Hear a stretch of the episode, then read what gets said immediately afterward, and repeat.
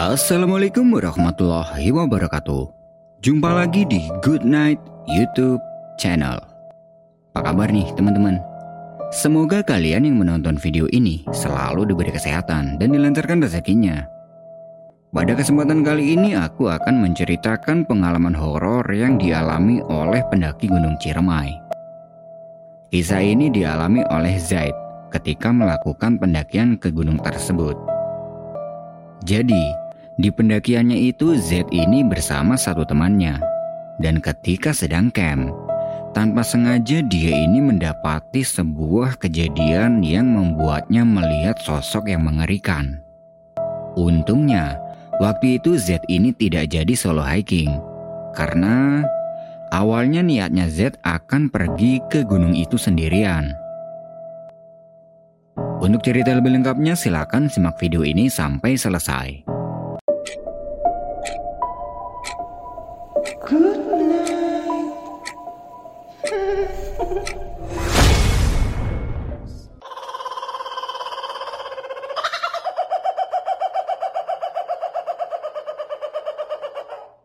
Berawal dari keinginan untuk mendaki gunung.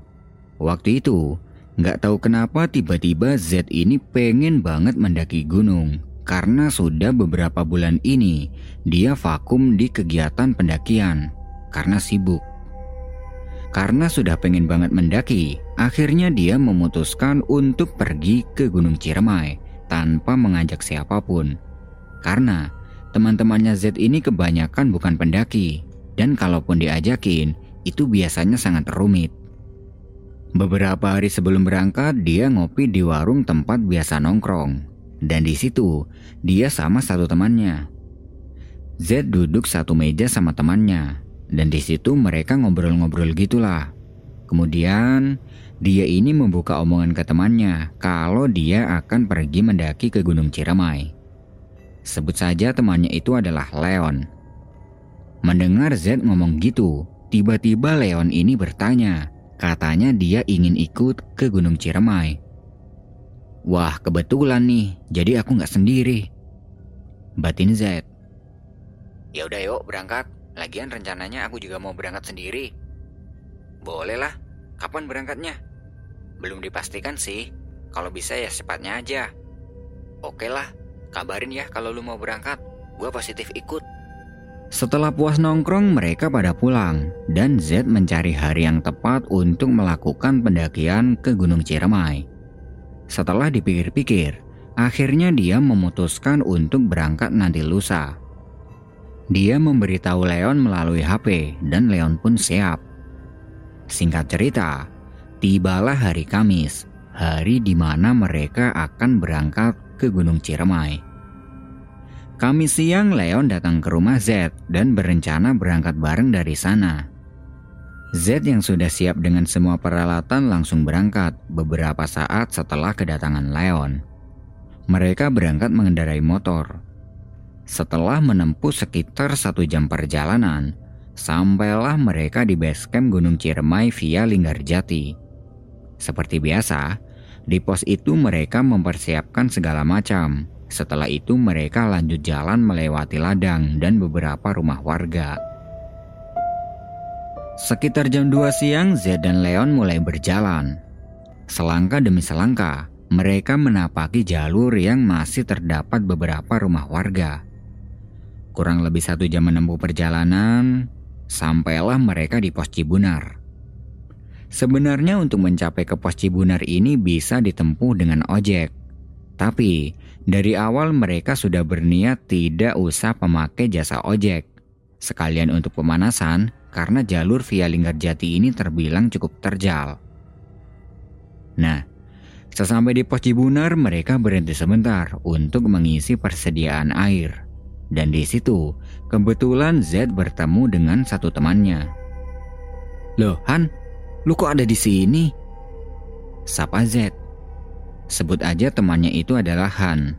Z biasa memanggilnya gitu. Eh, iya nih Z.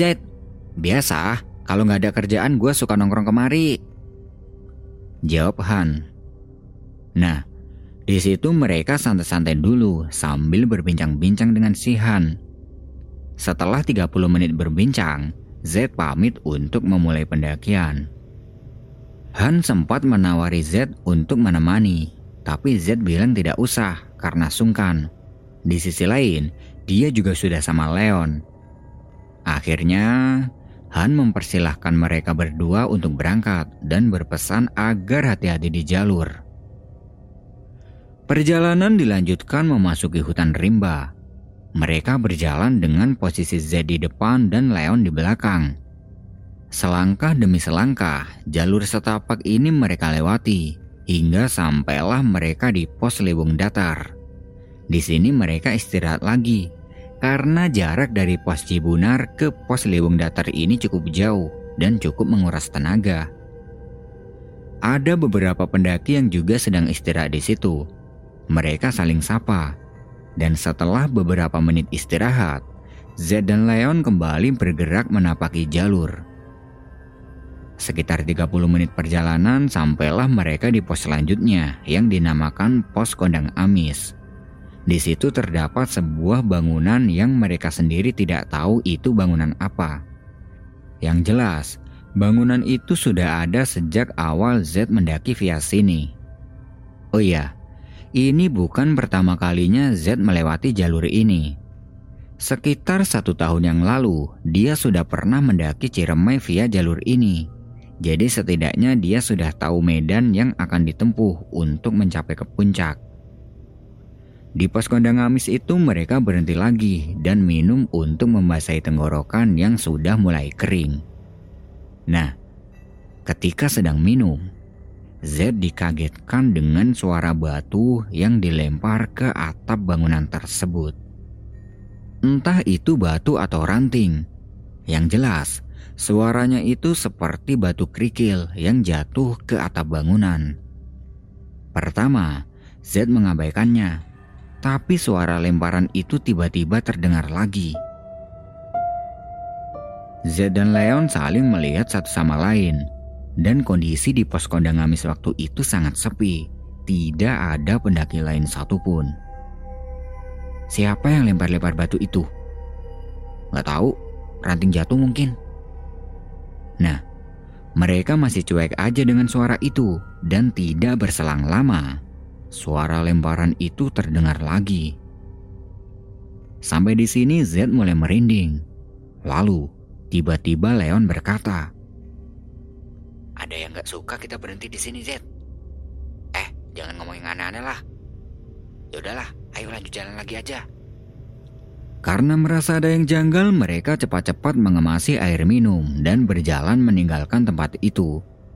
Di perjalanan, mereka tidak mau membahas tentang tadi, dan perjalanan mereka lancar hingga sampai di pos selanjutnya, yaitu pos kuburan kuda. Ada beberapa pendaki yang sedang camp, mereka ikut nimbrung dengan pendaki yang sedang duduk sambil membuat perapian. Mau naik apa udah turun bang? Baru mau naik bang, tapi kita camp di sini aja, soalnya ada teman cewek yang gak kuat. Jawab salah satu pendaki itu. Nah, di situ mereka berbincang-bincang dengan rombongan itu, sekalian istirahat untuk melemaskan otot kaki. Sekitar 30 menit kemudian, mereka pamit untuk lanjut perjalanan dan janjian sama rombongan itu untuk ketemu di puncak. Perjalanan dilanjutkan sekitar jam setengah lima sore. Mereka berjalan sedikit cepat agar sampai di pos selanjutnya tidak terburu gelap.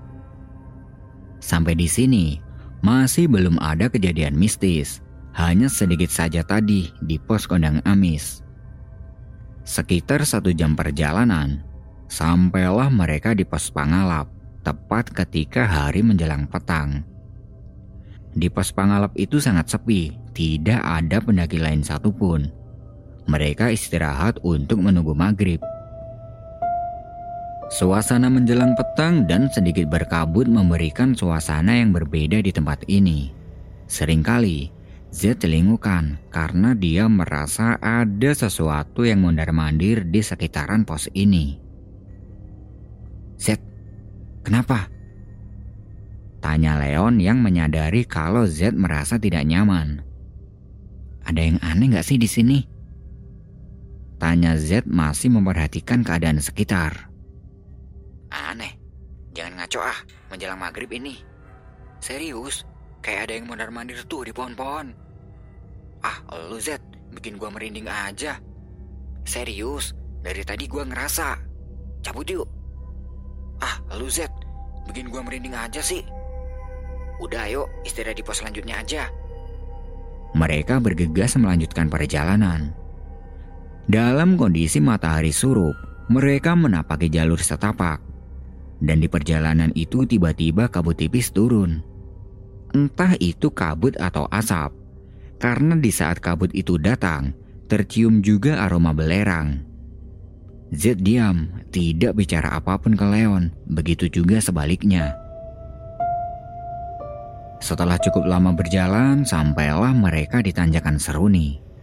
Di sini, terlihat ada beberapa tenda yang sudah berdiri, tapi keadaannya sangat sepi. Tidak ada pendaki lain satupun, hanya ada tendanya saja. Z, ini orang-orang pada ke mana ya? Tanya Leon. Tahu, pada tidur mungkin. Jawab Z. Z sudah mempunyai prasangka buruk. Tidak mungkin di jam segini pemilik tendanya sudah pada tidur. Dia tidak mau lama-lama di sini dan mereka bergerak untuk berjalan naik. Singkat cerita, sampailah mereka di tanjakan Bapak Tere. Sebelum lanjut menampaki tanjakan, mereka berhenti sebentar untuk mengatur tenaga. Setelah itu perjalanan dilanjutkan menaiki tanjakan. Setelah bersusah payah, akhirnya mereka bisa melewati tanjakan yang super terjal ini. Dan singkat cerita, sampailah mereka di pos Batu Lingga sekitar jam 10 malam. Di sini ada beberapa tenda pendaki yang sedang camp dan lagi nongkrong di depan tendanya. Z dan Leon memutuskan untuk bermalam di pos Batu Lingga, baru besok lanjut samit ke puncak. Tenda didirikan tidak jauh dari tenda pendaki lain. Setelah itu, mereka masak makanan dan tidak lupa saling sapa dengan rombongan pendaki lain. Ketika sedang makan, rombongan pendaki lain pamit untuk tidur, sedangkan Z dan Leon masih meneruskan masak.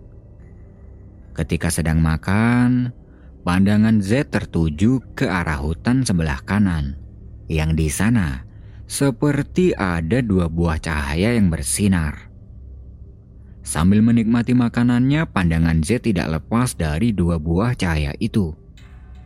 Itu cahaya apaan ya? Apa mungkin ada yang camp di sana? Batin Z. Dia tidak mengatakan itu pada Leon, dan sepertinya Leon tidak menyadari adanya cahaya tersebut. Setelah selesai makan, mereka memutuskan untuk segera tidur agar besok kembali fit untuk melanjutkan perjalanan samit ke puncak. Sebelum masuk tenda, sesekali Z melihat ke arah dua buah cahaya tadi. Dan sampai saat itu, cahaya itu masih bersinar dan tetap di posisi yang sama. Tenda mereka tutup rapat-rapat agar udara dingin tidak masuk ke dalam tenda Kemudian mereka memakai sleeping bag masing-masing dan tidur. Di dalam tidur, Z seperti sedang mengalami sebuah kejadian yang menegangkan. Tiba-tiba saja, dia ini sedang berdiri di depan tendanya dengan kondisi remang-remang. Tapi, di area pos batu lingga ini sangat ramai. Bukan ramai pendaki, melainkan orang-orang buruk rupa. Mereka sedang menari-nari dan diiringi suara gamelan yang sangat merdu. Menyadari keberadaan Z di sini, tiba-tiba semua orang menatap Z dengan tajam. Seperti tidak suka dengan keberadaan Z di sini. Dia mundur beberapa langkah untuk mendekati tendanya. Kemudian, dia segera masuk ke dalam tenda dan menutup pintunya rapat-rapat. Di dalam tenda, dia gemeteran hebat siapa orang itu? Batinnya. Dan di sini, Z dibuat bingung.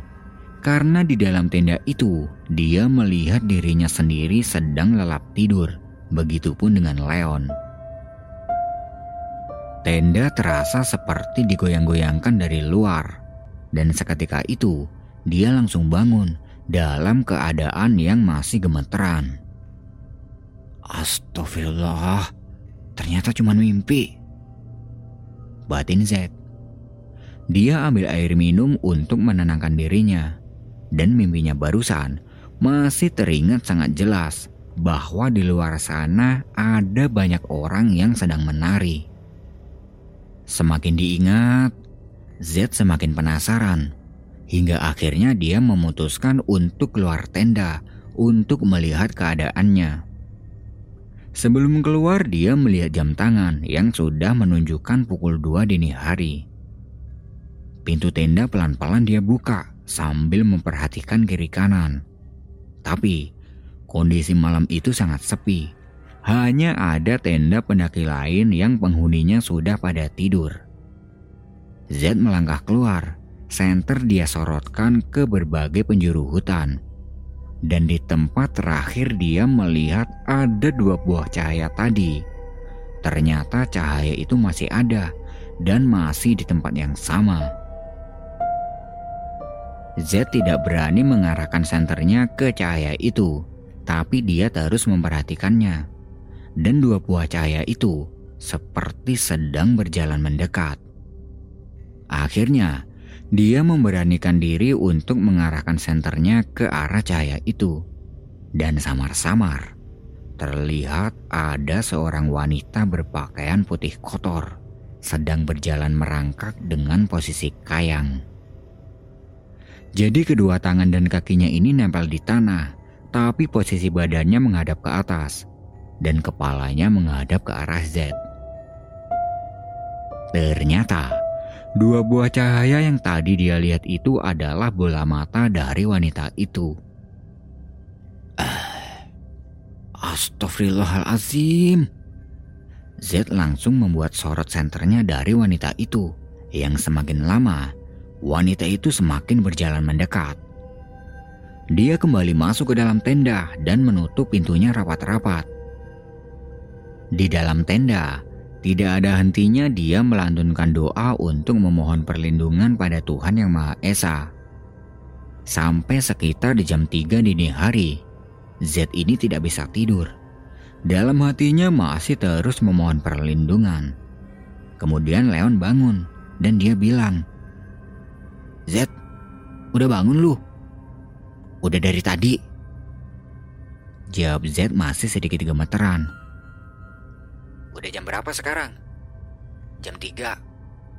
Ya udah pas, ayo siap-siap samit. Leon beranjak keluar tenda untuk membuat kopi.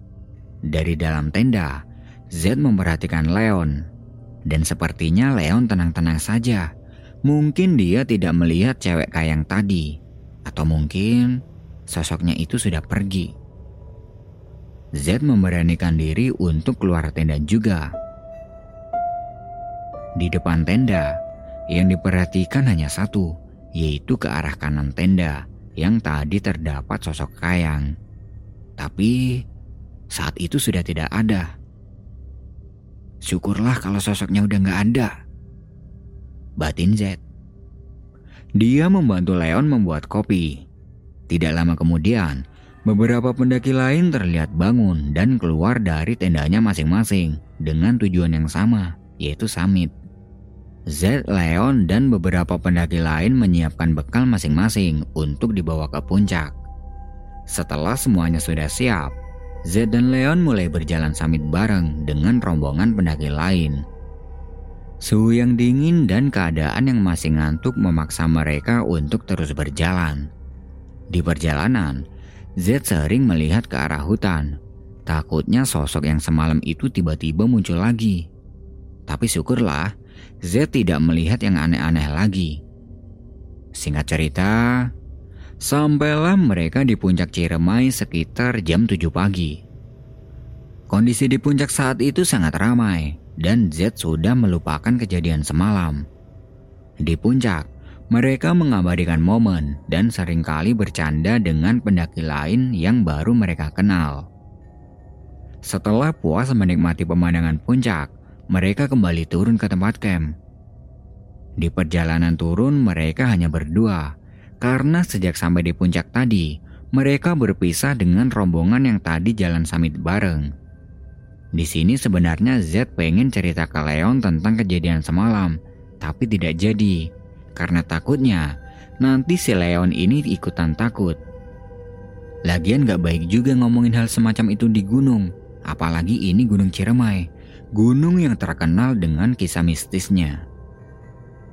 Sesampainya kembali di tempat camp, ternyata pendaki yang tadi bareng itu sudah ada di sana. Mereka turun lebih awal dan sekarang mereka sedang masak-masak. Karena perut sudah mulai keroncongan, Z dan Leon pun memasak untuk sarapan. Setelah itu, Z mencoba mengecek ke tempat di mana semalam dia melihat sosok wanita kayang. Di tempat yang semalam ada wanita itu merangkak, Z telingukan. Dan siang itu suasananya tidak mencekam seperti semalam. Dia kembali lagi ke tenda. Kemudian Leon bilang, Z, nginep semalam lagi yuk.